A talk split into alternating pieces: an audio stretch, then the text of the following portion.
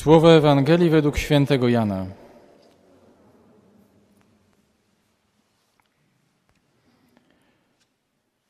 Jan stał wraz z dwoma swoimi uczniami i gdy zobaczył przechodzącego Jezusa, rzekł: Oto baranek Boży. Dwaj uczniowie usłyszeli, jak mówił, i poszli za Jezusem. Jezus zaś, odwróciwszy się i ujrzawszy, że oni idą za nim, rzekł do nich: Czego szukacie? Oni powiedzieli do niego: Rabbi, to znaczy nauczycielu, gdzie mieszkasz? Odpowiedział im: Chodźcie, a zobaczycie. Poszli więc i zobaczyli, gdzie mieszka, i tego dnia pozostali u niego. Było to około godziny dziesiątej. Jednym z dwóch, którzy to usłyszeli od Jana i poszli za nim, był Andrzej, brat Szymona Piotra.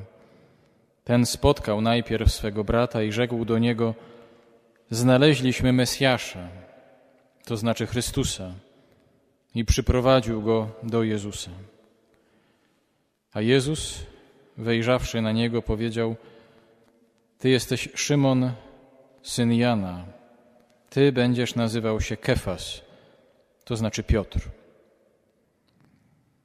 Oto słowo Pańskie.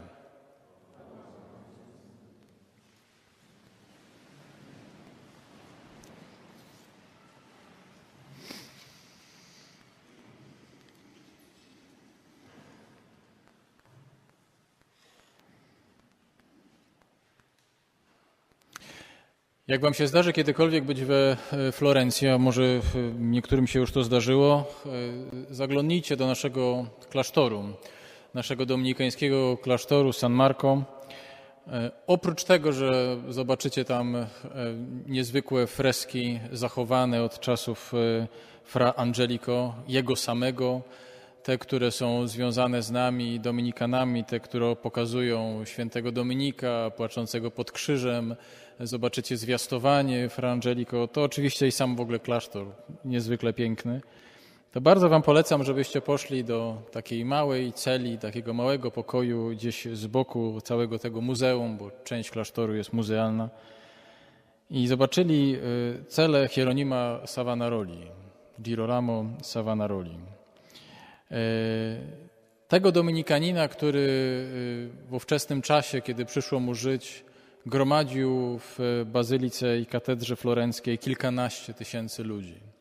Tego, który był kaznodzieją wybitnym, to mało powiedziane, absolutnie niezwykłym, charyzmatycznym, e, takim też, który miał swoją niezwykłą osobowość promieniującą na innych i mającą wpływ w ogóle na życie ówczesnej Florencji. I tego, który z powodu politycznych intryg, może także i swoich słabości, został spalony na stosie.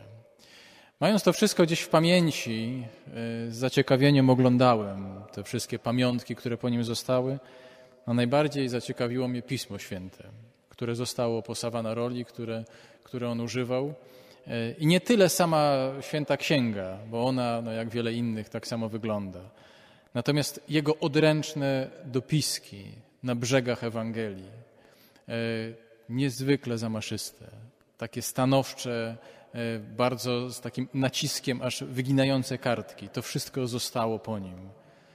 I tak pamiętam, jak kilkanaście lat temu na to patrzyłem, myślałem sobie, to więcej mówi o jego osobowości niż wiele różnych rzeczy, które wiemy z oficjalnych biografii, z Wikipedii.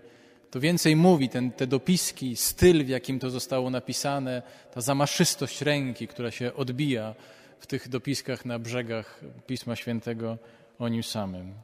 Miałem takie wrażenie, kiedy wyszedłem, że więcej się tego dowiedziałem o nim, jak, jak on mieszkał, w jaki sposób, jakim, czym się otaczał. Dowiedziałem się, jaki był jego charakter, jakim był, jaką był osobą. E, przypomniało mi się to, to w kontekście tej oczywiście dzisiejszej Ewangelii. Ewangelii, w której nie ma żadnego cudu, jeszcze się żaden nie wydarzył. Nie ma żadnego niezwykłego przemówienia Jezusa, nie ma żadnej mowy, nie ma żadnych słów, które byłyby jakoś pociągające i poruszające. Nic właściwie się nie wydarzyło. Pada tylko pytanie, gdzie mieszkasz? Kim jesteś? I odpowiedź Jezusa to chodźcie. Chodźcie ze mną, pokażę wam. Pokażę wam i może wtedy zrozumiecie coś więcej o mnie samym, o moim życiu, o tym, jak żyję, to tak się przedstawiam, w taki sposób. Od tego się wszystko zaczyna.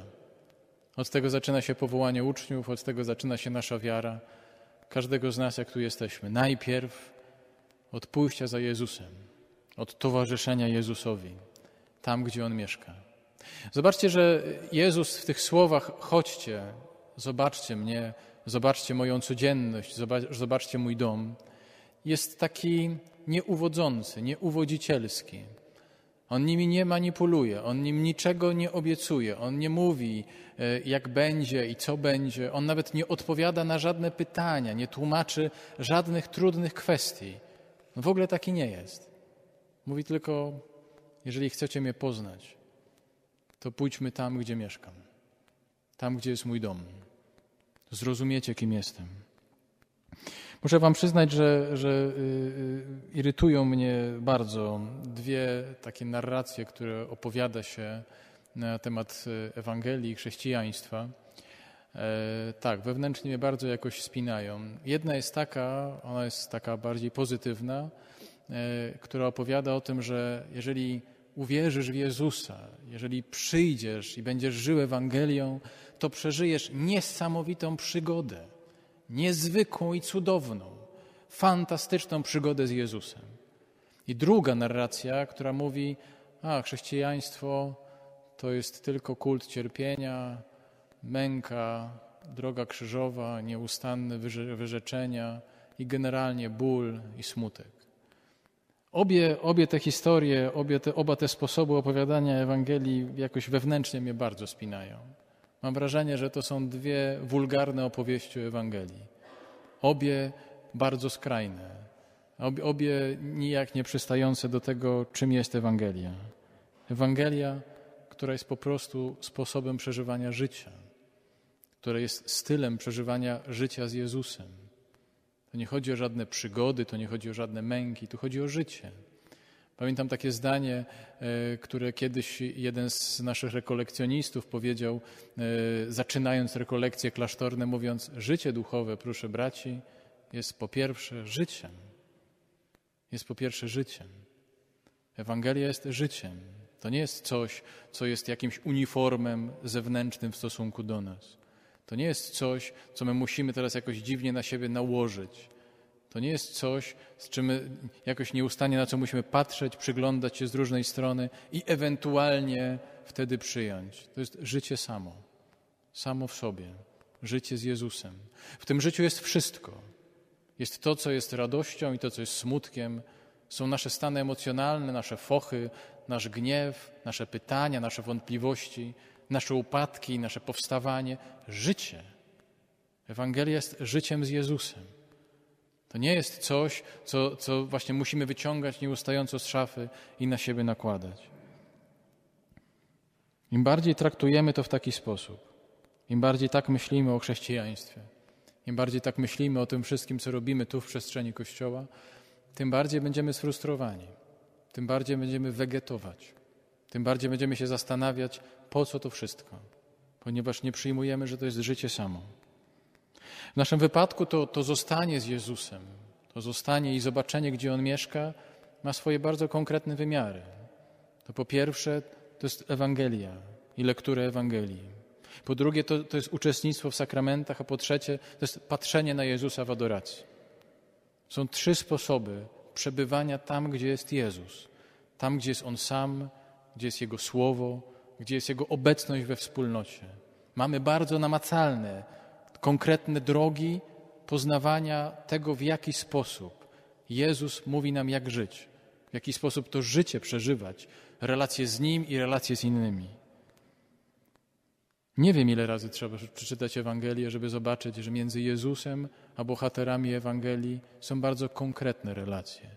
Nie wiem, ile razy każdy z nas musi tę Ewangelię przeczytać, żeby zrozumieć, że każdy, kto w niej występuje, ma konkretny charakter konkretny temperament.